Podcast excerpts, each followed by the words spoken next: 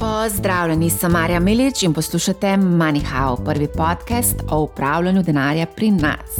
O geopolitičnih trenih in vojni ekonomiji se bom pogovarjala s povratnikom na podkastu MoneyHow, profesorjem Mojmirjem Mrakom, odličnim poznavalcem mednarodne ekonomije in pa makroekonomije. Pozdravljeni. Pozdravljeni.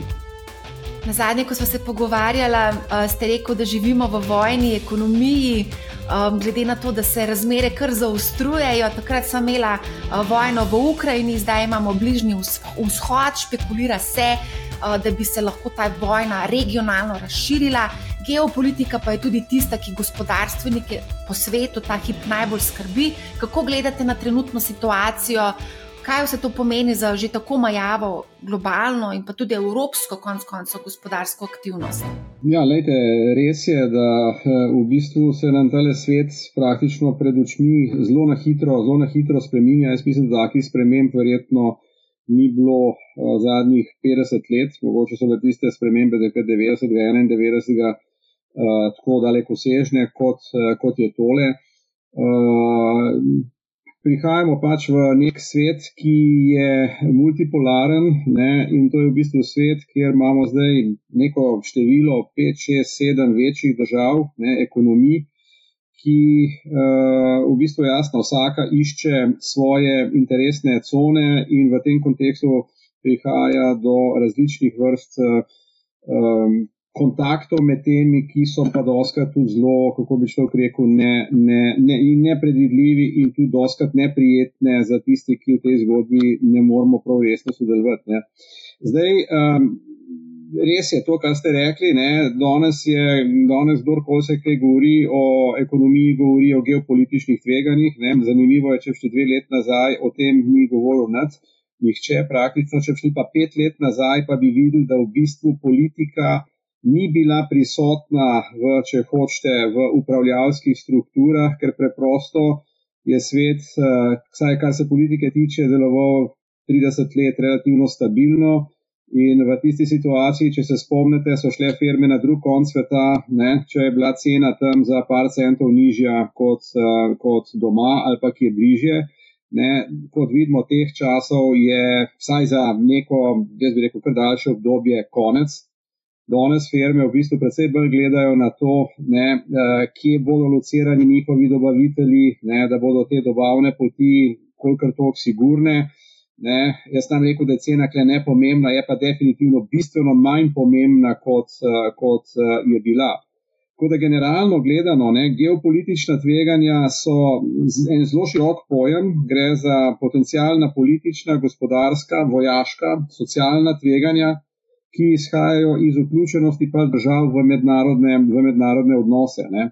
Um, običajno se geopolitična tveganja pojavijo, ne, ko pride do nekih večjih vojaških, vojaških uh, recimo, uh, konfliktov.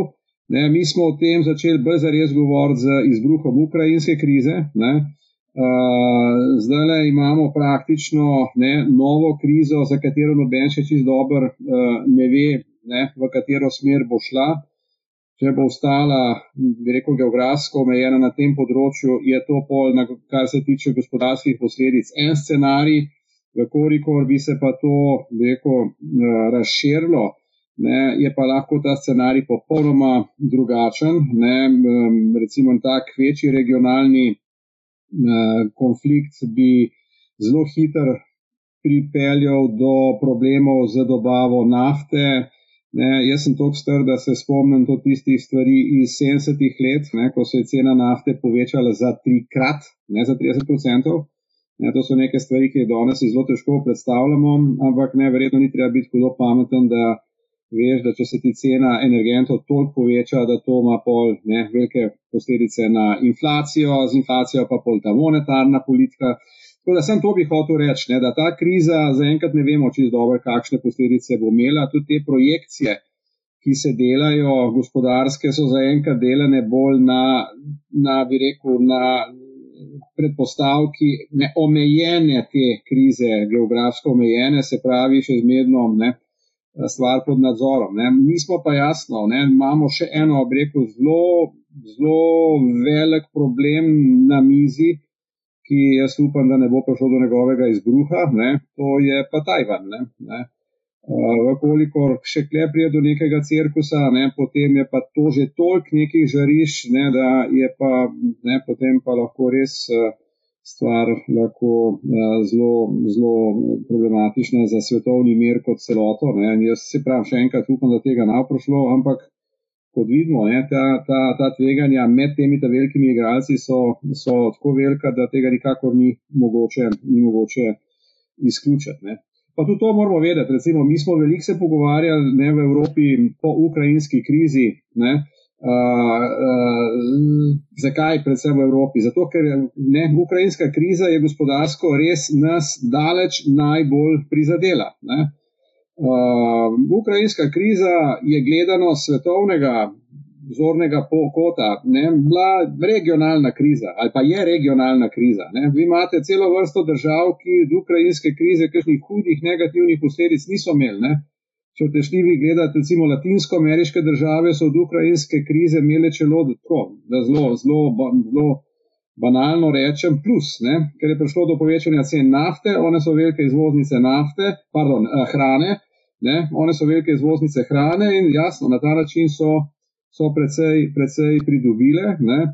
Amerika tudi nekega resnega problema z ukrajinsko krizo, govorim gospodarskega, ni imela, ker praktično ni odvisna od uh, uvoza to vrstih energentov, medtem ko nekatere druge države pa lepo, zelo uspešno tole, tele sankcije, ki jih je uvedla, za, ki jih je uvedel Zahod proti Rusiji, zelo uspešno, bi rekel, pre, pre, pre, predirajo, kako koli hočete. Tako da te sankcije so, da jih vidimo, ne, po teh praktično že skoraj dveh letih, ne, da imajo omejen domet. Ne. Jaz nikakor ne bi rekel, da, so, da niso pomembne, ampak računati na to, da je pa to nekaj, zaradi česar bo Rusija prekinila vojno, pa upam, da je danes več ali manj vsem jasno, da do tega ne bo prišlo. Ne, ne pozabiti, ne. sankcije proti Rusiji je podprlo ali pa jih ima uvedene manj kot 50 držav. Ne?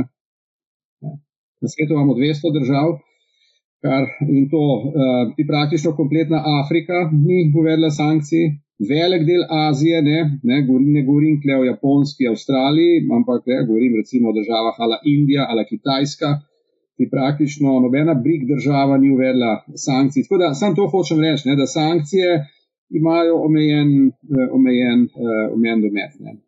Za Evropsko unijo pa jasno, Evropska unija se v tem svetu išče svojo, svojo pozicijo.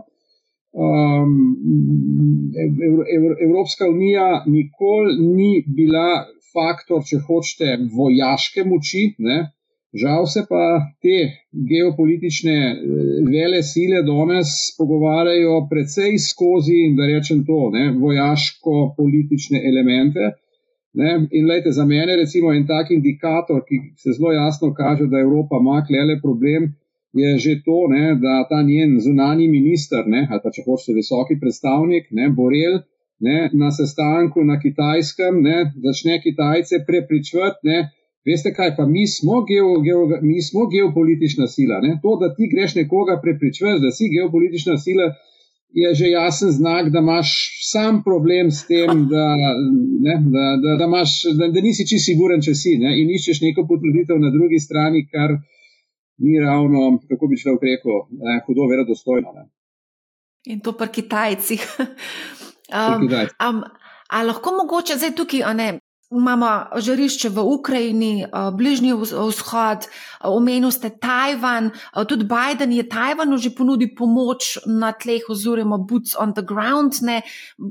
So zelo involvirani američani v vse te konflikte. Koliko je tukaj še prostora? Naslednje leto so v Ameriki volitve, ne vemo, kaj se bo zgodilo, tako da je kar nekaj zadev tukaj pri američanih. Ne?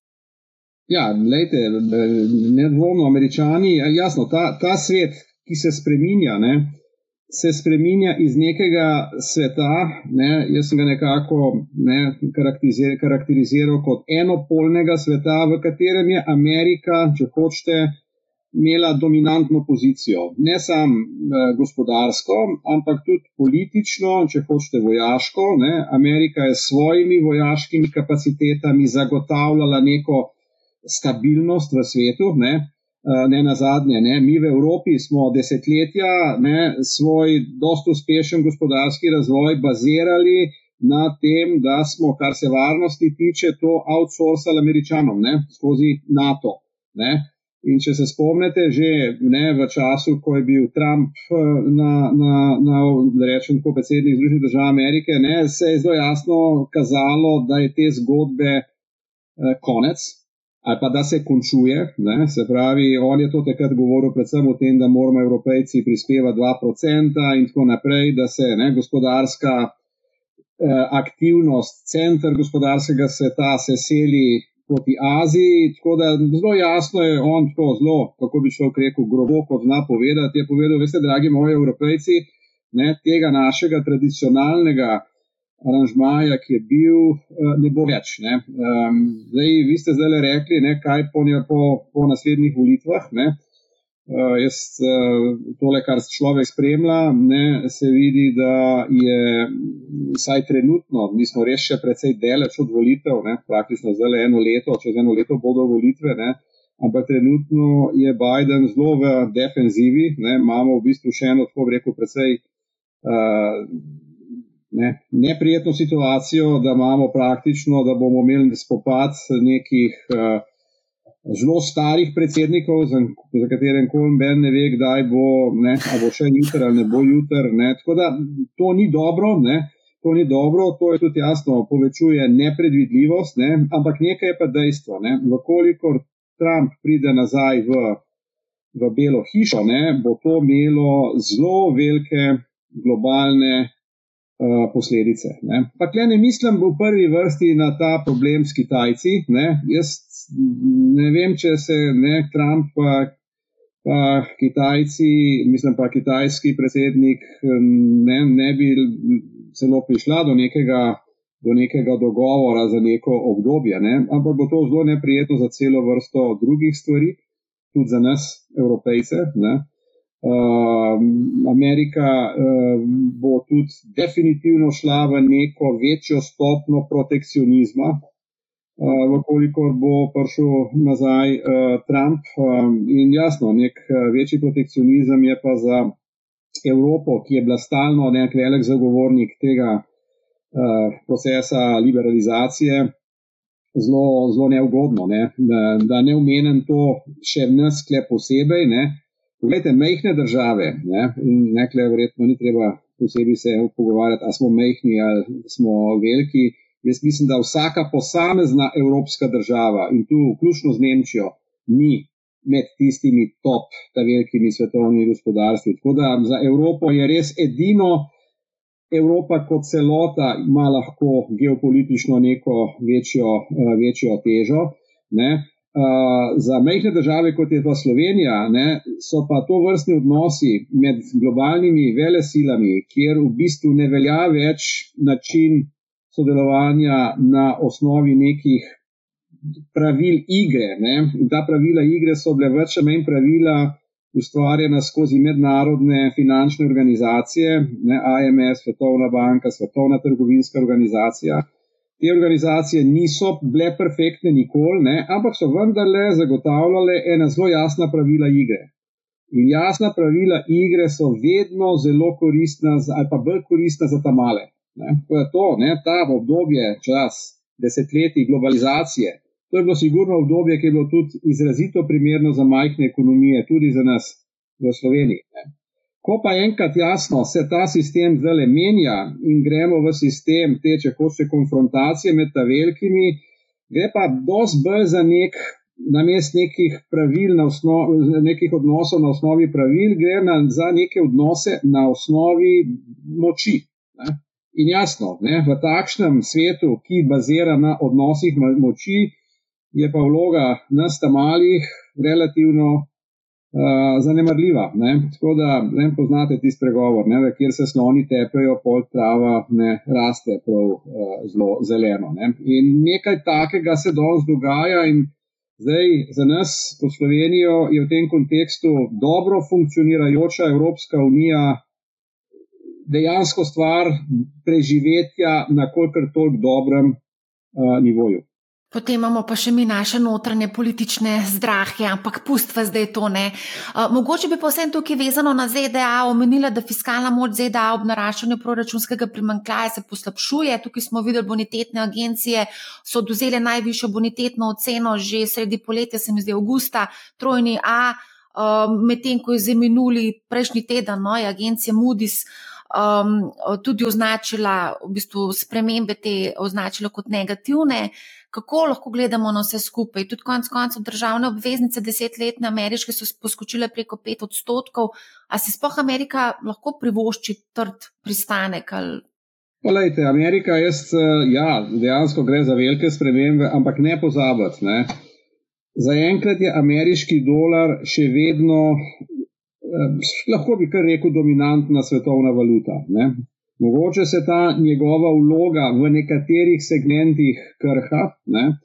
lasti recimo uh, Juan postaja resen konkurent v plačilnem prometu. Uh, recimo, ti nimaš več danes popolne dominacije dolarjev, recimo pri, pri kupovanju nafte. Ne? Uh, te aranžmaji, ki so jih Kitajci naredili na Bližnjem vzhodu, ne? to je zelo zanimivo, ne? da Kitajci so zelo strateško v bistvu delajo na, na izboljšanju odnosov z Bližnjim vzhodom. Ne. Oni so bili tisti, ki so uspeli po, dolgih, po dolgem, da nam reko desetletju ali celo več, ne, za mizo nekako spraviti, na skupno mizo spraviti Saudsko Arabijo, Iran, tega američanom nikoli ni uspelo. Ne. Tako da eh, Kitajci dobivajo, tako, če hoče, tudi neko politično zelo pomembno vlogo in v tem kontekstu oni tudi na Bližnjem vzhodu ne, uh, grejo z logiko, mi z investicijami, vi nam nafto, ne, ampak ta nafta naj bo pa v, v uh, juanih. Ne. Tako da hočem reči, kle se delež dolarja, pomen dolarja počasi erodira, uh, ampak imaš pa celo vrsto drugih področji, kjer dolar ostaja še vedno, še vedno absolutno dominanten. Uh, recimo, kar se tiče deviznih rezerv, ne, je eh, še vedno velika, velika večina, govorimo o tem 60% deviznih rezerv svetovnih, v denominiranih v dolarjih. Ne.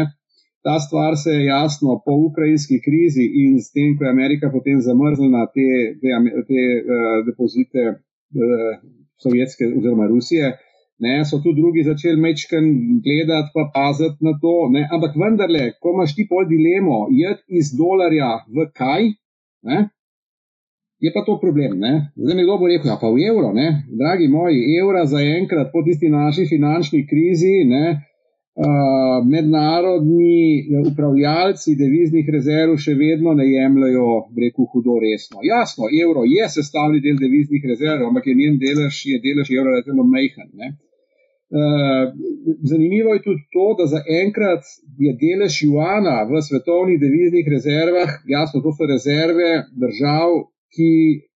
Ne, ne, tu ni Kitajska zraven, Kitajska logično, da ima, da če ima juan, da je to, to niso mednarodne devizne rezerve za njo. Ampak to hočem reči, ne, da je juana je manj kot 10% v mednarodnih denarnih eh, rezervah. Ne. To jasno kaže, da države imajo vendarle neko nezaupanje držati svojo valuto v juanih in razlog je zelo jasen. Ne? Kitajska vsaj za enkrat še ne želi prevzemati vloge, da bi njena valuta igrala vlogo svetovne valute. Ne? Ker to ni, biti svetovna valuta ni samo plus za državo, ampak je to povezano tudi z določenimi stroški. Ne? Ena od takih stvari je, da ta valuta mora biti polno konvertibilna. Ne? Jasno, Kitajci, Joana, ne? niso in ga verjetno še čas ne bodo naredili polno konvertibilnega, ker bi se znalo zgoditi, da bi kar velik denarja z Kitajske spokalo ven. Ne? Tako da, sem to vam hočem reči, ne, da eh, dolar je še vedno ne, dominantna valuta. Jaz mislim, da se ta vloga se bo, bo erodirala skozi čas, ampak ne zelo na hitro. Ne. In jasno, dokler je ta situacija taka, je dolar še vedno najbolj zaželena valuta v svetu, ko prihaja do zadolževanja. Ne, če pogledate države v razvoju, velika večina zadolževanja teh držav je denominiranih v dolarjih. Ne. Uh, in vsi problemi, ki jih imajo, Amerik, ki jih imajo američani, ne, jih dejansko s tem svojim dolarjem tudi izvažajo v vse tiste, ki imajo svoje premoženje v dolarjih. Tako da to, kar ste vi rekli, ne, Ja, to je problem. Ne? Sam dokler bo dolar imel vlogo svetovne valute, američani ta problem razdelijo, da rečem tako po svetu in lahko s tem kar lepo še dost normalno, dost normalno živijo. Ne? Tako da ta znižanje rejtinga je bolj, bi rekel, ta pritisk, da se morajo Ameriki sami zmeniti okrog tistih uh, blokade v proračunu in tako naprej. Vsak let imamo ne, da ni denarja za financiranje administracije, ampak na koncu običajno, običajno zmenijo. Tako da jaz tega ne bi preveč, tako rekel, uh, uh, jemal kot neko vel, velik problem, vsaj neko rečeno na kratek rok. V trenutku, ko dolar ne bo imel te dominantne pozicije, ne, potem je pa stvar tudi za Ameriko. Za Ameriko uh, drugačna. Ne, ne pozabiti še ene stvari. Ne, ne. Kitajci imajo približno 3000 milijard dolarjev deviznih rezerv. Ne? A veste, v kateri valuti so?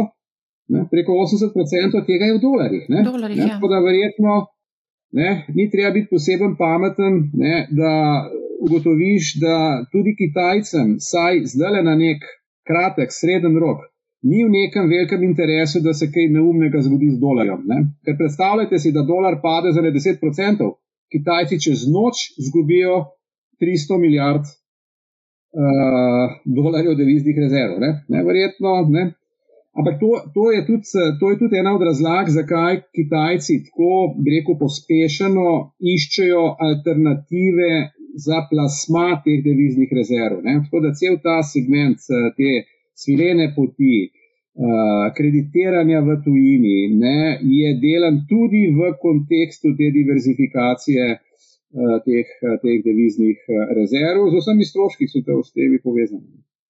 Mislim, da smo sred poletja predvsej pisali in govorili in brali, gledali o dedoralizaciji, zdaj pa še vedno ugotavljamo, da je dolar tista, ki je vodilna valuta, valuta na svetu. Treba je biti, treba je biti korekten, kle, vloga dolarja erodira, se zmanjšuje. Ne? Ni pa to zdaj tako, da bi človek rekel, zdaj pa to padec, ne, drug let bo pa vse drugače. Ne bo. Mm. Ne. Čez deset let pa bo to verjetno drugače. Oziroma, ne verjetno, bo drugače. Ne. Jaz mislim, da se veste, svet, eh, lejte, ena stvar, zopet geopolitična. Uh, mi imamo zdaj jasno teh sedem, osem velikih igralcev, ne, ampak kakorkoli, ne, jaz mislim, da v roku enih desetih let bo prišlo do neke konsolidacije, teh, eh, teh, teh, če hočete, velikih sil. In ena konsolidacija bo šla okrog Združenih držav Amerike, ne? in kle smo, ne? očitno tudi mi, Evropejci. Ne? Druga konsolidacija se bo pa, po mojem mnenju, zgodila v kontekstu tega, kar je danes najbolj podobno temu BRICS držav. Ne? Če se spomnite, briž države so ne nastale ne 20 let nazaj, ne, eh, ne, ne, ne na kakšen zelo hudo organiziran način, ampak edina skupna točka takrat je bila uh, proti Zahodu, proti Ameriki, če hoče, neko proti utež med. Ne. In to je bila tudi praktično edina, tako rekel, zelo resna skupna točka vseh tistih ustanovnih štirih članic, kasneje se je pa pridružila še Saudska, ne, tale, uh, Južna, Južna Afrika. Ne. Eh, one drugače med sabo niso imele nekih zelo podobnih, če hočete, interesov. Ne. Uh, če jaz bi zelo nasprotno rekel, ne, veste, ko se te države, teh pet držav je usedlo v sobo, pa so med sabo se začeli pogovarjati, ja, kaj bi pa mi naredili, ne, je bilo kar precej problemov. Ne. Da vam dam dva primera. Oni so se relativno hitro zmenili, da bodo naredili banko BRICS držav, mislim, da se imenuje New Bank. Ne? Ampak pa se niso mogli zmeniti v ničemer, niti kdo bo to vodil, niti kako bo to šlo, koliko bo to denarja. Ta banka sicer je danes, ampak ni kaj hudo pomembna, ne? zato ker med sabo se niso mogli točno, točno, uh, točno zmeniti. Zdaj, uh, da prihajam na to, kar je danes pomembno. V tem BRICS, ne, v teh državah, to so bile se pravi Brazilija, Indija, Kitajska, Rusija in Južna Afrika. Ne, v okviru teh držav so bili interesi tudi geopolitično različni. Ne. Kitajci so vsaj v zadnjih desetih letih ustrajno skušali dobiti neko, če hočete, pri, prioritetno mesto med BRICS državami, postati nek vodja BRICS držav. Ne. To je jasno, saj Indiji nikakor ni bilo sprejemljivo. Ne? Ampak, pogledajte, zdaj je prišlo pa v letošnjem letu, po mojem mnenju, do dramatične spremembe. Kle, Na tem vrhu Briksa, v, ki je bilo zdaj v, v Južni Afriki, pred že mesec ali dva meseca nazaj, ne, je bilo na mizi, ali naj bi se ta skupina razširila ali ne. ne. Kdo je bil najbolj za to, da se skupina širi? Kitajci. Ne? Ne? In Kitajci so v končni fazi potem tudi uspeli, ampak če si pogledate, kdo je zdaj novi član te razširjene BRIC skupine, mislim, da jih je zdaj 11. Noter so Saudska Arabija, noter so Iran.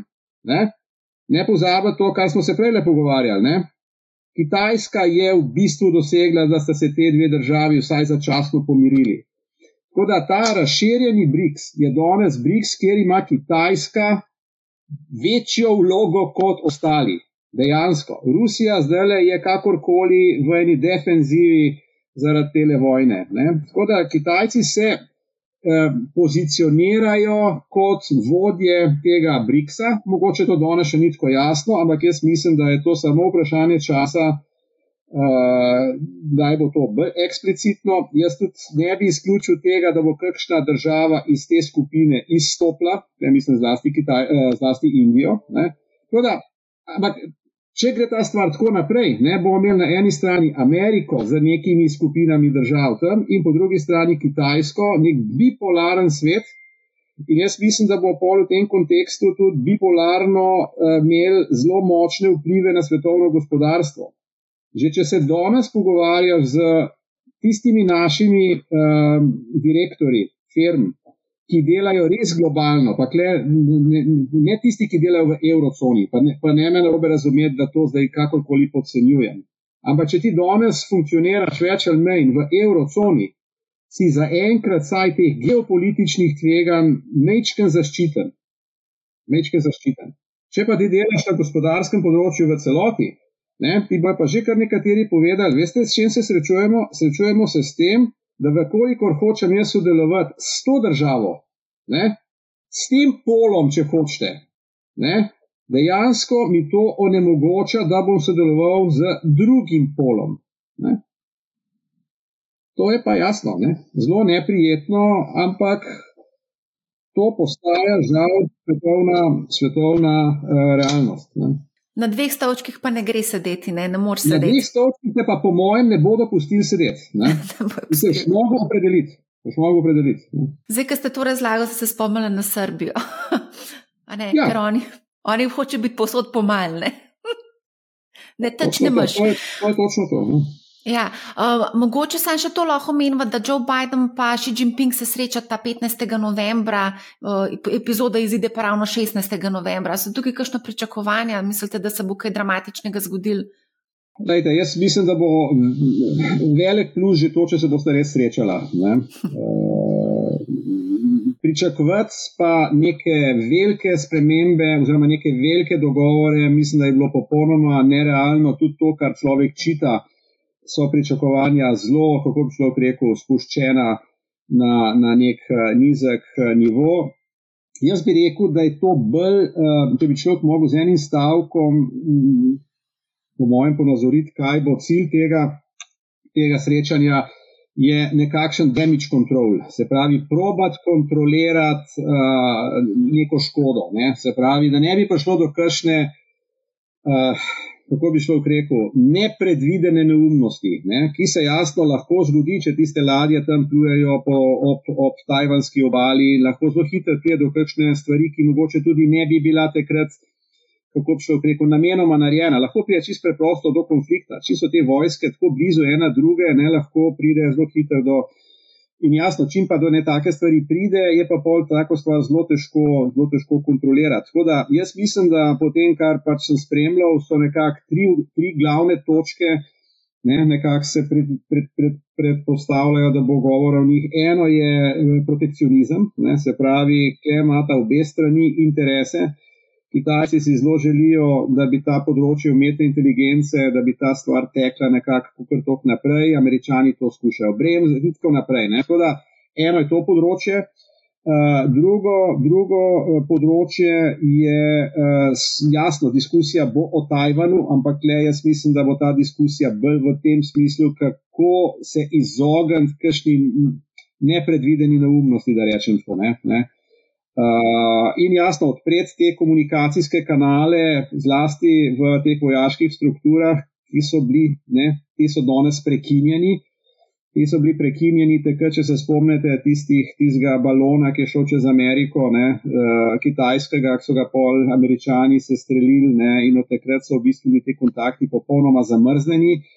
Ne, in v takšni situaciji, ko ti nimaš komunikacije, jasno, dosti bolj hitro lahko pride do kakšne, eh, do kakšne neumnosti. Ne. To, da se stank ne bo imel neke zelo velike, kako bi rekel, eh, da ni pričakovati od njega zelo velik, ne, je že to, da se to dogaja ob robu neke ne, regionalnega sestanka, na katerega pač oba prijeta in kot pravim, dobro je, da se srečata. Ne. Bilateralno, ne, tudi eh, kot razumem, naj ne bi bilo nikakršne skupne izjave, ne, že to je neko sporočilo, ki je povedno za tiste, ki te stvari Eh, spremljajo ali pa spremljamo. Uh, tako, en, en kup takih, uh, rekel, manjših sporočil je, ki ja, se stank bo, ne, ampak ne pričakovati od tega, kaj je zelo zares. Ne. Ja. A greva mogoče se nazaj preseliti v Evropo. Mohlajanje nemškega gospodarstva čutijo že v bistvu številna slovenska podjetja. Nekateri, nekaterim so upadla naročila za več kot 10 odstotkov, nekatera podjetja so že prisiljena v iskanje trgov izven, zunaj Evrope, nekateri se celo produktno preusmerjajo. Kako vidite nemško gospodarstvo, zakaj so sploh zabredli v težave? Pogosto se je omenjalo Italijo, pa Španijo za bolnike Evrope, ja. zdaj se pa govori o Nemčiji. Ne? Ja, ja lete, je, Nemčija je v bistvu uh, država, ki je bila že na začetku tega tisočletja, kar pomeni približno ja, dobrih 20 let nazaj. Jaz se spomnim člankov v Economistu The Sick, uh, The Sick Man of Europe, ne, se pravi nek bolnik Evrope. Ne, uh, to, je bilo, to je bilo v tistem času, ko smo mi se priključovali Evropski, Evropski uniji. No, in takrat je v bistvu z tistimi znanimi šrederjevimi strukturnimi reformami, je potem Nemčija dejansko relativno hitro um, šla v nek koncept razvoja, ki je bil, ki je bil v tistem trenutku, uh, rekel, zelo, zelo ugoden. Je pa to koncept razvoja, ki je v bistvu temeljil na krepitvi predelovalne industrije. Ne, Nemčija je bila vedno močna kle, in ta predelovalna industrija, v tem kontekstu jasno tudi avtomobilska industrija, ne, uh, zelo izvozno usmerjena. Ne. Nemčija je kot relativno veliko gospodarstvo zelo izvozno usmerjena. Ne. Zdaj, ko govorim izvozno usmerjena, govorim o deležu izvoza v bruto domačem proizvodu. To, da ima recimo ena Slovenija kot majhna država 70-80% izvoza v BDP-ju, je relativno, nam rekel, ni nenavadno. To, da, imela, da je imela pa Nemčija 40, če 40 odstotkov svojega BDP-ja v izvozu, je pa za tako veliko gospodarstvo zelo izvozno orientirana. To je ena stvar. Druga stvar, ta industrija je bazirala na poceni energiji z vzhoda. Ne. To sta bila dva, dva, dva, bi rekel, dva inputa. In jasno, tudi ne, na poceni delovni sili, ki jo je pač Nemčija bila v stanju dobivati iz, predvsem iz vzhodne Evrope v tistem, v tistem času. To je bil model, to je bil model razvoja, ki je pač Nemčiji dosti dobro služil. Nemčija je imela tradicionalno pol velike tudi suficite v tekočem delu, v tekočem delu plačilne bilance. Ne, ampak ta stvar se je, po rekel, dramatično spremenila z izbruhom ukrajinske vojne. Preprosto je zaradi te strukture nemškega gospodarstva, ki sem ga omenil, ne, je bila nemško gospodarstvo relativno bolj prizadeto kot gospodarstva, ki ste jih vi v vprašanju omenjali, ne? recimo Italija, Francija. Te države imajo večji delež v GDP-ju storitev. Uh, druga stvar, tudi so malo manj odvisne od uvoza energentov, že takrat so bile manj odvisne od uvoza energentov iz, uh, iz Rusije. Tako da je bilo relativno, je ta ukrajinska kriza bolj prizadela Nemčijo kot nekatera druga večja gospodarstva. Ne? Tako da to je eden od razlogov, zakaj je Nemčija prišla v problem. Ne? Ni pa to edini problem, ne? obstaja vrsta še drugih strukturnih problemov. Ne? Eden, recimo, takšnih je, da nemško gospodarstvo zelo bazira na teh malih in srednjih podjetjih, ne? kjer so pa se podjetniki v zadnjih letih zelo pritoževali, da zelo težko pride do delovne sile. Ne? Zato tudi, jaz se spomnim, mene je enkrat šokiralo na neki konferenci, ki sem sodeloval, to je bilo pred izbruhom ukrajinske krize, ko je nemški bankir ne, tam pač nam rekel, pravi, veste kaj, mi bi bilo, za nas bi bilo super, če bi vsako leto v Nemčijo prišlo približno milijon delavcev v naslednjih petih letih. Paste, milijon. Ne. Ne, prav sem super bi bilo, če bi ti delavci, te ljudje iz centralne in vzhodne Evrope. Ne. To je bilo po migranski krizi, ampak takrat, ne, se pravi, zakaj je to rekel? Ne? To jasno kaže, da Nemčija potrebuje svežo delovno silo, ampak jasno, božji da ta delovna sila iz tega našega dela sveta, zato ker je znano, da se ta delovna sila zelo hitro asimilira. Ne? Asimilira in začne zelo hitro biti, kako bi človek rekel, neto kontributor k nemškemu, če hočete, industrijskemu stroju. Ne. To ni enako z temi imigranti, ki so prihajali iz teh držav, odkuder se je ta imigranska kriza uh, generirala. Tako da en problem, ki ga imajo ta podjetja, je pomankanje delovne sile. Druga stvar, kjer je, imajo velik problem ne, in jamrajo, je, da je veliko birokracije. Ne. In pa tretja stvar, ne, to je recimo zelo zanimivo, zlasti glede na finančno pozicijo, nemška infrastruktura, ne zlasti ta segment IT-ja in tako naprej, je relativno slabši, kot je v celi vrsti drugih držav, in slabši, kot bi lahko bil, glede na finančno moč, ki jo ima Nemčija. Ne.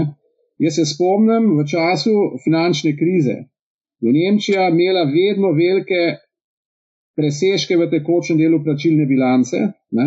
To pomeni, da njihova da je bilo njihovo vrčevanje vedno večje od investicij. Ne? In zato so stalno Nemci dobivali sugestije od IMF-a, od inštitucij, ne, da bi morali prvič povečati potrošnjo in drugič povečati investicije. Pa tega niso naredili. Ne. In zdaj jasno, zdaj se jim to mečken otepa, ne, Je pa treba biti kle korekta. Ne? Nemčija je finančno tako močna, tudi jaz mislim, tako pragmatična. Oni tu zdaj s temi stvarmi, ki zdaj počnejo, bojo te probleme, probleme eh, naslovili. Oni imajo, jaz mislim, mal problem s tole koalicijo, ki jo imajo, ne? zeleni in tako naprej, kle vidimo, da ta koalicija ni ravno, kako bi šlo rekel, eh, prepričljiva. Ne? No, ampak to, to, kar sem razlagal, to so razlogi, da je Nemčija recimo v letošnjem letu. Ne? praktično ob Argentini, edina od držav G20, ki bo imela negativno gospodarsko rast. Ne. Že za drugo leto se kle predvideva, ne, da bo se to spremenilo. To ne, ne računa, da bo to neka spektakularna sprememba, ampak ne, sprememba na bolje. To, vse tole, kar se pogovarjamo v Nemčiji, pa verjetno ni treba posebej podariti, kako to se odraža tudi pri nas. Ne ker dogajanja v Nemčiji so čist direktno prenosljiva v slovenski country risk. Ne. Če ti si pač toliko izvozno usmerjen in od tega izvoza gre en precej pomemben del v Nemčijo, potem je logično, ne, da, da gospodarski problemi v tem državi, ki je tvoj glavni partner, imajo tudi za tebe negativni vpliv. Tako da to, kar ste rekli, da se nekateri preusmerjajo kam drugam, jaz mislim, da je to zelo dobro. Čim bolj se pre, mi smo že tako tudi če se bomo še tako preusmerjali, bomo še vedno ostali zelo, bi rekel, odvisni od evrocone. Vsako, vsak odstotek zmanjšanja tukaj bi bil koristen za nek srednjeročni razvoj. Zdaj, ko omenjate težave Nemčije, v bistvu se zelo preslika tudi to na Slovenijo. Veliko birokracije, pomankanje delovne sile, pol ja. težave s koalicijo. To je vse, tudi pri nas dogaja. Kar se tiče investicij, pa i tako vemo, kakšna je situacija pri nas, ne? a pa infrastrukture. Problem, mi, mi teh investicij nimamo tako malo. Paste, evropskega denarja ni bilo nikoli toliko, kot ga je zdaj. Nikoli. Ne? Se pravi, govoriti o tem, da denarja za investicije ni, po mojem, danes preprosto ni korektno. Ne? Je pa vprašanje, zakaj ta denar uporabljamo. To je pa druga stvar. Ne?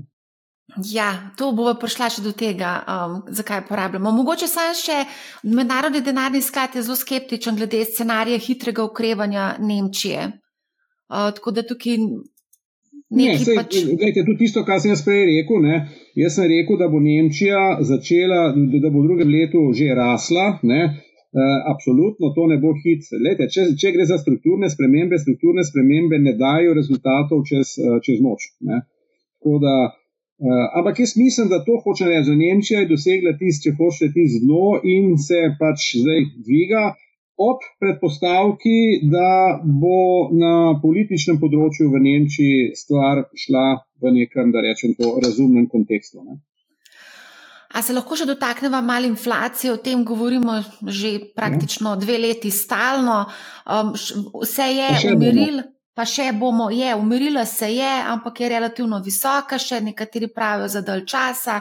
Centralne banke zaenkrat so pritisnili čez lužo na pauzo. S tem, da je Pavel, mislim, da prejšnji teden napovedal, da ne se prehiter veselite, da prihajajo novi dvigi. Kako gledamo na vse skupaj, inflacije, centralne banke in pač vse njihovi te ukrepi? Lejte, če gremo nazaj na obdobje po COVID-u in pol tisto, če hoče ne hitro gospodarsko ukrevanje, takrat je prišlo do tistega začetka, če se spomnite, dvigovanja inflacije. Ne govorimo jasno o času pred izbruhom ukrajinske krize. Ne. In že takrat je v bistvu prišlo do prvega, prvih povečanj obrestnih mer, zlasti v Fedu, v Angliji, ne v Evropski centralni banki. Ne. Evropska centralna banka, zanče, mislim, da je na 14 dni nazaj, je to njena predsednica tudi prvič dejansko um, nekako priznala, ne, da so bili prepozni. Ne, uh, da so bili prepozni. Uh, lahko greste gledati kakšne moje intervjuje iz druge polovice tistega leta, ne, kjer sem jaz eh, bil zelo na stališču, da bi morala tudi Evropska centralna banka takrat. Kaj je bila takrat logika, zakaj je Evropska centralna banka eh, držala obvestne mere nespremenjene? Zato, ker je bila ocena, da je ta povečanje inflacije ne, začasno, začasno in da ne, bo se Zdaj, če je nekaj začasno, pomeni, da bo ta začasnost izvenela, in če bo začasnost izvenela, potem ni treba na to začasnost reagirati z višjimi obrestnimi merami. Ne? Druga skupina je kle trdila, ne, ne, dragi moji, to ni začasno, to bo ostalo. To sicer ne pomeni, da bodo mogoče obrestne, da bo inflacija ostala na tako visokem nivoju, ampak tudi, ko bo šla dol, ne bo šla nazaj dol na tisto, kar je bila pred, uh, pred COVID-om. Skratka, klej je bila konceptualna razlika in klej je pač enostavno Evropska centralna banka se na začetku na robe odzvala. Ne. Potem smo pa jasno vsi to dvigovali, zdaj smo nekje na njih petih odstotkov in res je, da recimo zlasti v Ameriki ne, je ta obrestna mera zdaj že na takšnem nivoju in tudi v, v Evropski centralni banki, da je uspela znižati inflacijo. Je pa treba vedeti eno stvar. Ameriška inflacija je bila bistveno drugačna kot evropska inflacija. V Evropi je bila inflacija v bistveno večjem delu povzročena takrat z povečevanjem dviga cen energentov. V Ameriki je bila pa takrat ta inflacija predvsem del kor inflacije. Nažalost je to mečkaj tehnično, ne?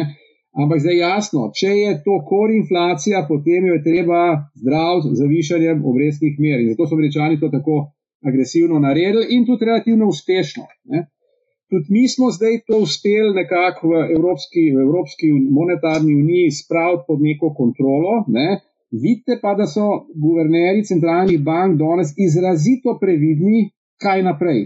Noben se ne upa reči, kaj naprej in ima prav, da ne reče, ker ne ve.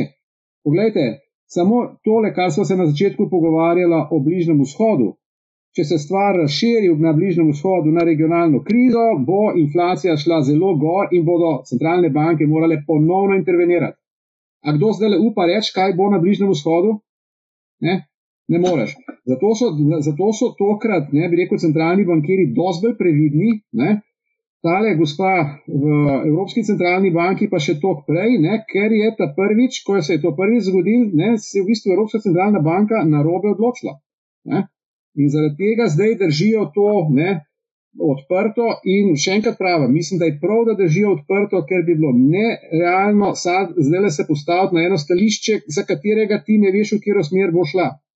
No, zdaj pa, da se vrnem k Evropi, pa nam, če hočeš nam. Mi imamo pa zdaj v Sloveniji en specifičen problem, ne, da se naša inflacija zdaj znižuje precej počasneje kot, kot euroinflacija. Euroinflacija je danes za približno pol nižja od naše inflacije. Se pravi, da to, kar je razlika med euroinflacijo in našo inflacijo, je naš domač problem. Ne? In kje je zdaj ta problem? Mi bomo lahko prišli z evropsko inflacijo dol, ampak, dragi moji, če bomo mi v Sloveniji obdržali tako visoko inflacijo, to pomeni, da naše gospodarstvo zgublja na konkurenčnosti.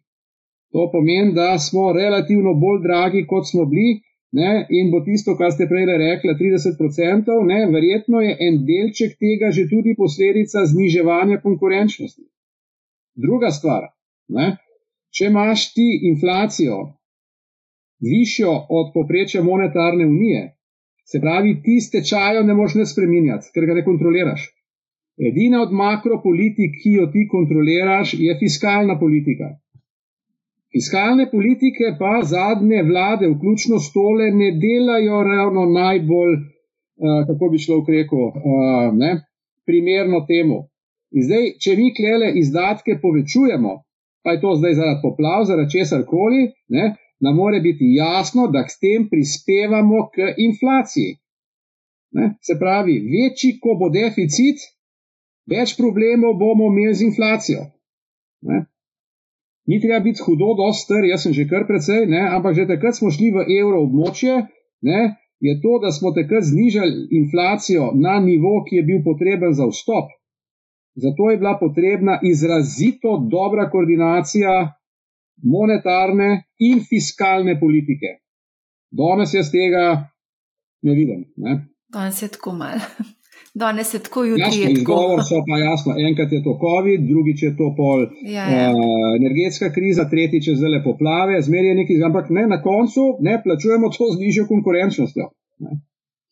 Ja, mogoče sam glede na to, da ste omenili in fiskalna uh, pravila in uh, poplave, zdaj ocene škode po poplavah je bila tako enkrat mal 500 milijonov, drugič nekaj milijard, potem smo prišli tudi do 10 milijard, to je v bistvu dvakrat več, kolikor so znašali stroški reševanja bančnega sistema. Takrat so bile javne finance dobesedno na robu vzdržnosti. Danes se pa zdi, da se okrog te številke ne razburjajo pre, prav preveč, da se nihče ne razburja. No? Lejte, jaz mislim, da smo v tem obdobju, teh desetih let, ki je bil denar tako pocen, ne, smo se vsi zelo navadili, da se probleme rešujejo z dodatnimi transferji. Ne, ne. Pa je bilo to COVID, če se spomnite, be, bomo to plačali. Pa je bilo pa to za tale ukrajinska kriza, e pa bomo to to. Ne. Pa so bile plače. E, mi, lejte, smo v bistvu zadnjih, zdaj bi rekel, zadnjih pet let ne, in vključno s tem obdobjem te vlade, zelo, kako bi šlo preko, vehementni pri deljenju pravic. Ne. Zdaj, ne me na robe razumeti. Ne. To, da smo imeli tole ogromno uh, naravno katastrofo, prvič je sigurno stvar, ki je izjemna, ki jo je treba tudi na ta način rešiti. Ampak mi zdaj rešujemo to krizo. Ne kako bomo denar zbrali, za, za, oziroma kako bomo financirali tole popoplavno obnovo, na ta način, da bomo ostalo, ostale stroške pustili netaknjene, ne? kje bomo pa dodatno se zadolžvali ali pa bomo dodatne davke. Ne? Jaz mislim, da je čas, da bo treba dejansko odhodkovno stran proračuna prevetriti. Kje je pa res, da ima ta koalicija, tako kot je sestavljena, kje bom pa kar zelo grob, ne? Predvsem usmerjena v to, kako obstoječi kolač deliti, ne pa kako probati ta kolač povečati. Ne? To se vidi, lejte, ne? za mene je ta vlada dosti bolj blizu sindikatom kot gospodarstvu. E, to ni v redu. To, to, po mojem, ni v redu. Ne? In jasno, rezultat tega je pač to, o čemer se pač eh, pogovarjava.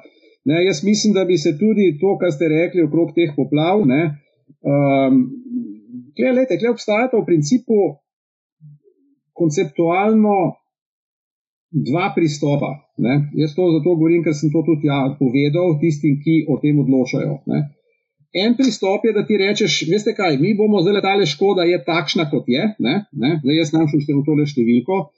Ne, ampak mi bomo zdaj to škodo sanirali v petih letih. Na to je naštelan tale zakon, ki je zdaj na mizi. Ne? Zdaj jasno, če hočeš ti stvar popolnoma, eh, popolnoma urediti v petih letih, potem se to ne da urediti na ta način, da boš na odhodkovni strani velik naredil, ampak boš v bistvu ta denar, ki je potreben v petih letih, zbral predvsem z novimi veri prihodkov, ne, piši davki. Ne. Noben pa klede vpraša, a je realno, da bomo mi to v petih letih dejansko spravili nazaj, tudi če bi denarja bilo, kolikor ga je potrebno. Jaz mislim, da ne. Jaz mislim, da ne, da operativno to ni možno sanirati v petih letih. Infrastruktura, mislim, da so večina teh stroškov infrastrukturnih, mi teh infrastrukturnih objektov nazaj postaviti v petih letih preprosto ne moremo zaradi fizičnih kapacitet. Mi imamo ljudi, mi imamo, uh, bi rekel, operative. Ne? In zdaj bomo mi zbirali ta denar prehitro.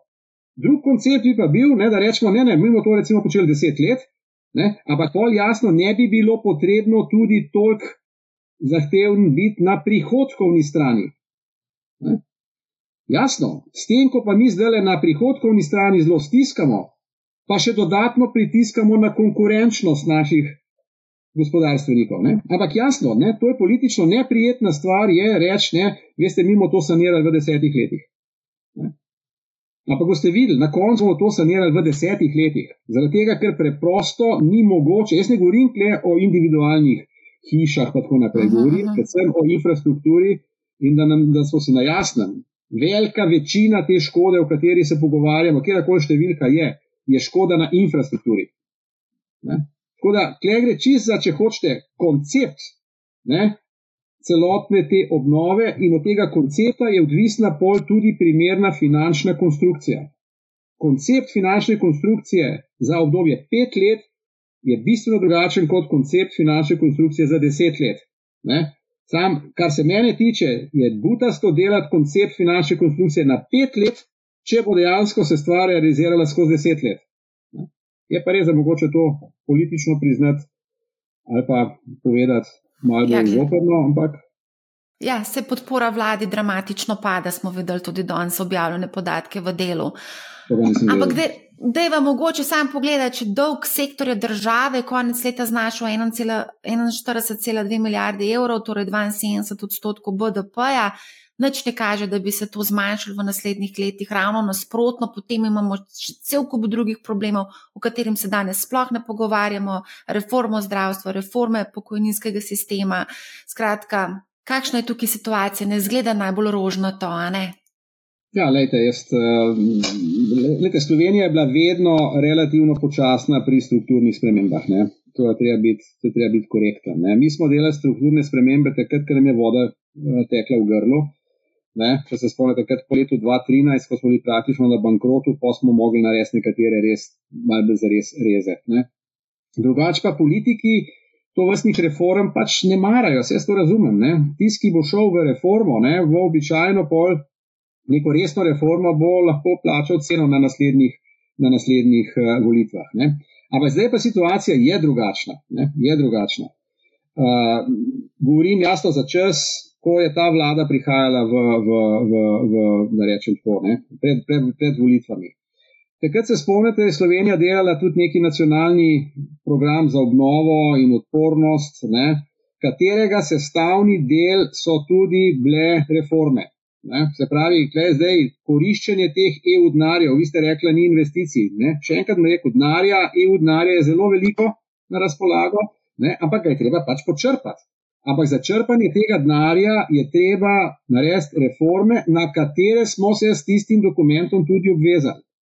Teda, to je zdaj ena stvar. Ne? Mi smo, nova vlada je nasledila to, nek dogovor z Evropsko komisijo, katere reforme bo naredila in je tudi ne, prišla v, na svoje mesto s tem, da bo te reforme naredila. Če se spomnite premijeja, on je celo rekel, ne, jaz gledam razdobje osmih let. Ne, In če ti gledaš razdoblje osmih let, potem je res to dovolj časa, da v prvem obdobju narediš ta zoprne reforme ne, in potem v bistvu ne, na osnovi teh reform pože začneš tudi neke dividende uh, koristiti. Zdaj, jasno, zgodilo se je pa pač to, da ta vlada, kakršna je, očitno je. Spomnite se začetka leta, ne, golob pravi, to je leto reform. Ne. En mesec kasneje, ali dva meseca kasneje, ne, je dal že on z mize davčno reformo. Ne. Pol je bilo s plačno reformo, ki je mimo grede nujna, ne, se je tudi za eno ministrico, drugo ministrico, zdaj tudi ni več te ministrice, ništa. Ne. Zdravstvena reforma, podobno. Lejte, očitno je, da vlada ima tukaj tudi nek operativni uh, problem z operativnostjo, mislim. Ne? Očitno, očitno ga ima. Uh, ne, tudi tole, jaz moram reči, tole, kar je predsednik zdaj, ne, zdaj vidim, da to spet ni res. Ne, ne, najavo ne, zmanjšanja ministrstv, ne, za kar je šel pred manj kot enim letom na referendum, da jih rabi toliko več. Ne, se neverodostojno je. Ne? Ljudje pač preprosto temu ne verjamejo, in jaz se bojim, da je ta ne, naboj reform ne, predvsej zgledel, so pa nujne, ker, dragi moji, mi bomo plačali, ko bomo prišli nazaj v fiskalna pravila. Ne.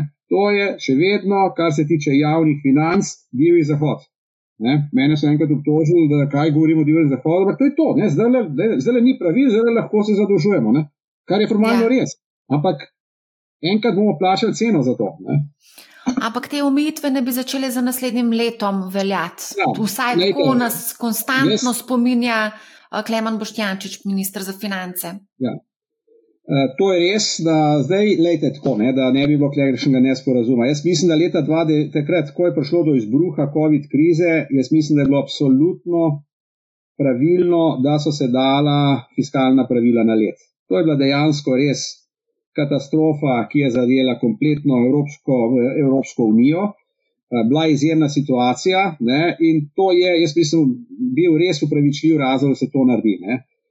Uh, žal smo zelo vlekli s tem, da te pravila ponovno damo na, da rečem tako, uveljavimo. Uh, to se je odlagalo, ne? odlagalo, zdaj je končno, da drugo leto, zdaj pa ne bo več odlaganja. Ne? Jaz res upam, da ga ne bo več. Ne? Ne?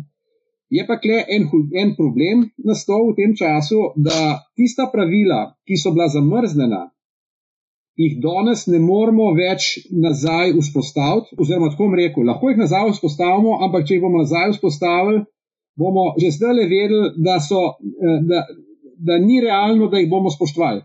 Se pravi, bomo neverodostojni. Ne? Lejte, da ne bo nekdo mislil, da govorim kar nekaj na pamet. Lejte, v obstoječih pravilih imamo mi eh, dogovorjeno, da država, ki ima ki ima javni dolg večji, 60, večji od 60 odstotkov, bo zmanjšala vsako leto svoj javni dolg za eno dvajsetino tistega, kar je nad 60 odstotki. In zdaj, gledajte, če si ti recimo država, ki ima javni dolg 70 odstotkov, potem ena dvajsetina teh 10 odstotnih točk je nekaj, kar je možno narediti. Ampak, če pa neka država v tem obdobju, zdaj po COVID-u, dolg povečala, na pamet bom rekel, iz 70 na 90 odstotkov, ne, je tisto, kar je bilo takrat doable, je danes popolnoma nemogoče. Ne. In zdaj jasno, če hočeš ti biti kredibilen, verodostojen, ne, potem je bilo logično, da so se države zmenile, da je treba ta pravila, preden se nazaj uveljavljajo, spremenijo. Ne. In zdaj do tega dogovora o teh spremenjenih pravilih zaenkrat še ni prišlo. Uh, jaz moram reči, da vendarle mislim, da bo kle do tega dogovora prišlo, ker uh, ne, drugače pa jaz mislim, da bojo pa trgi začeli reagirati in bomo mi spet vodo do grla, pa sprejemali nekaj na, na hiter. Ne. In druga stvar, se pravi, da bodo pravila nova, jaz mislim, da so ta pravila, če so pripravljena, ne gre zdaj za detajle okrog tega, ali bojo sprejeta ali ne. Jaz mislim, da so ta pravila vsebinsko boljša, kot so bila prejšnja, ne, niso pa perfektna. Ne, mene tam tudi nekaj stvari motijo, ampak dobro, pač eh, ne more biti perfektno. Zlasti me moti to, da, da ostaja zelo velika diskrecija Evropske komisije pri določanju teh uh, country specific uh, objectives. Tukaj je lahko mal problem med mehkimi in ta velikimi državami, ampak ok, ne? recimo, to je kakorkoli to boljše kot tisto, kar je bilo. Ne? Mislim pa, da bo leto 2024, uh, čeprav bodo pravila formalno veljala, nekakšno prehodno leto. Ne? Nerealno je, da bodo države s 1. januarjem pa začele popolnoma to spoštovati, ker je preprosto bo treba narediti nek prehod. Uh, jaz mislim, da naši bojo tudi verjetno mali iskali neke, neke, če hočete, uh, specifičnosti glede na tole uh, avgustovske poplave.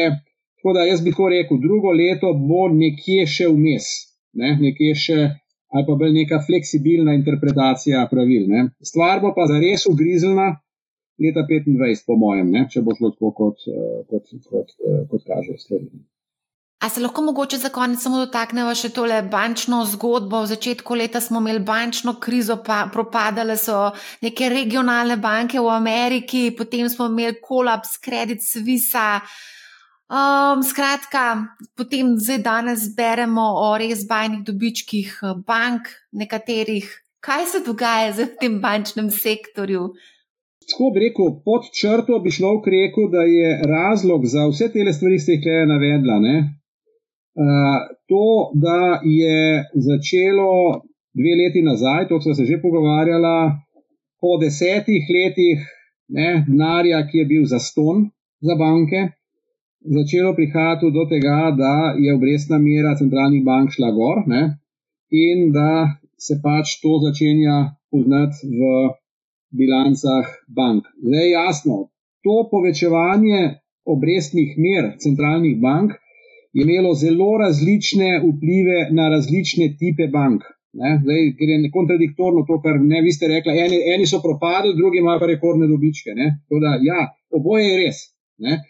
Tisto, kar ste omenila najprej za, za tiste srednje velike ameriške banke, ne je bil razlog predvsem v tem, da so bile uh, takrat soočene, oziroma tako bom rekel, One so imele ogromne, de, ogromno depozitov, zlasti to je bila ta tista banka v Silicijski dolini.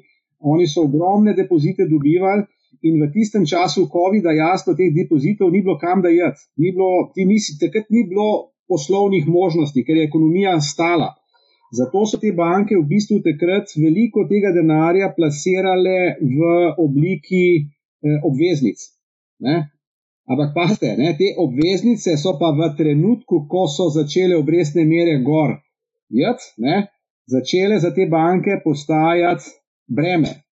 Ne, in ko so te obveznice začele prodajati, se je pokazala bančna luknja v teh bankah. Podarjam, to so tiste banke, ki so veliko kupovale obveznic in kot rečeno, te obveznice so bile zdaj ne, v drugačni situaciji, ko so se obrestne mere začele povečevati, kot so bile prej. Tako, to je bil razlog, za, za, za, uh, za, probleme, za probleme v, tisti, v tej silicijski banki, pa še ena je bila, druga je bila. Ampak še ena stvar se je zgodila, ki je bila bolj sistemska. Ker, bile, ker je bila to karakteristika srednje velikih bank v Ameriki, so deponenti začeli na veliko jemati denar iz bank tega tipa in so jih dajali kam? V ta velike banke.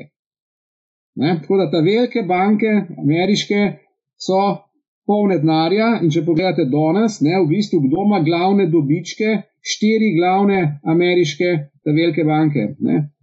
Bankov, mislim, da je JP Morgan, zdaj je bilo včeraj, ali predvčerajšnji bil članek v, v Financial Timesu. Ne? Ampak to vam hočem reči, ne, da so ne, ta, veliki so ta veliki v Ameriki, so, če hočete, bili zmagovalci tele spremembe. Ne? tole, kar se pogovarjamo v, pri nas, ne, je pa predvsem, no, pa zdaj še tale kredit Swiss, da ga pokomentiram, lejte, klešo pa preprosto z eno kombinacijo različnih, različnih stvari. Kredit Swiss je bila že v principu banka, ki je imela zelo, kako bi šlo rekel, zelo specifičen poslovni model, tudi zelo riskanten. Uh, in jasno, to se je po eni fazi izkazalo, mislim, da nima smisla, da gremo tukaj v detajle, lahko gremo, ker poznam to dosti natančno. Ne? In uh, potem so švicari to rešvali na nek zelo inovativen način, ne? Uh, kjer ne, imate zdaj situacijo, da je švicarska država tožena strani cele vrste teh uh, nosilcev obveznic Oni so preprosto šli po drugem vrstnem redu, kot običajno pri likvidaciji bank. Ne. Oni so najprej, da rečem tako, razlastili tiste, ki so, nosilci, ki so imeli obveznice te banke, ne pa lastnike. Ne. To je nekaj popolnoma proti pravilom normalnega bančništva. In zdaj jasno, vsi tisti, ki so imeli te obveznice, zdaj švicarsko državo tožijo. Ne? Ampak ker je bila cela stvar delana po švicarskem pravu, bomo videli, kam bo ta stvar, bo ta stvar šla. Ne? Povdarjam, bilo je delano po švicarskem pravu. Ne? To je neka velika plus za državo, če so njene obveznice izdane v skladu z njenim pravnim redom. Ne? Ker svoj pravni red lahko končno spremeniš. Ne? Ne? Če imam pa jaz obveznico izdano v skladu z newyorškim pravom, pa verjetno jaz ne morem newyorškega prava spremeniti, če pride do kakšnega problema v moji državi. Ne? Tako da to je to. Zdaj, kar se tiče pa slovenskih bank, ne je pa te lete. Ne? Obrestne mere so šle eh, eh, gor, ne? centralne banke, banke so na strani kreditov to jasno veselo spremljale, ne? so šle tudi obrestne mere gor, ampak pri depozitih so pa do pred kratkim praktično ostajale na nuli. Ne? In zdaj jasno, če ti daš kredite po višji obrestni meri, ne, denar imaš pa še vedno za stojn, ne, pol je logično, da se ta razlika, ki ustaja tebi, ne, eh, poveča. To se zdaj jasno pod tem pritiskom mečken zmanjšuje, zdaj so tudi banke začele ne, dajati počasti te, te obrestne, ob, obresti za, za svoje depozite. Ne, ampak, kot rečeno, nabrala se je kar precej lepa, lepa vsota.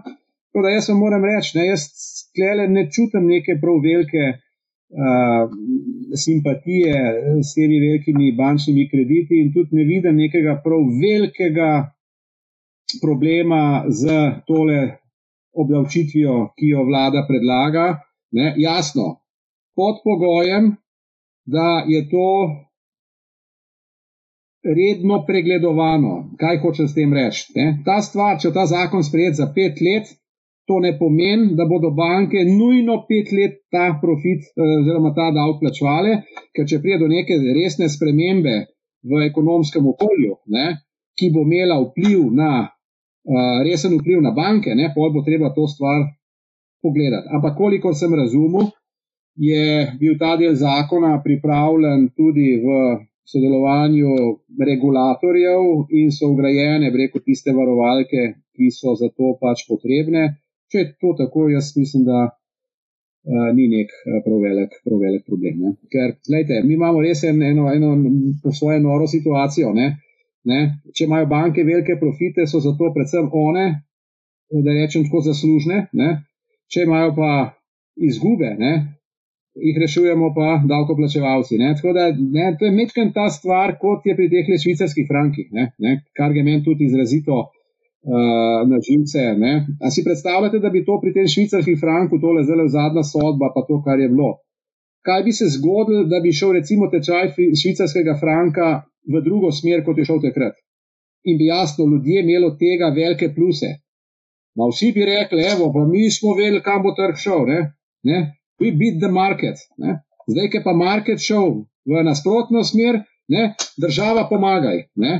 Mislim, stvar mora biti iti v obe smeri na enak način. Ne? Pa mogoče tudi profite posamezniki, ki bi od tega zaslužili v državi. Ne? Jasno, jaz vem, da je to malo nerealno, ampak ne, tako je tole, ne, vsaj kot ekonomist se mi zdi to nažalost neumno. Um, zdaj, ko ste omenili švicarski frank, vrhovno sodišče je ugodilo zahtevku za ničnost notarskega zapisa posojilne pogodbe v švicarskih frankih. Ne? To se mi zdi kot ekonomistu, se mi to ne zdi v redu.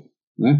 In zdaj bodo banke. Razen, ja. razen v primeru, če so zelo jasni dokazi, da so banke zavajale te, ki so te kredite najemali. Če so jih zavajale, to je druga situacija.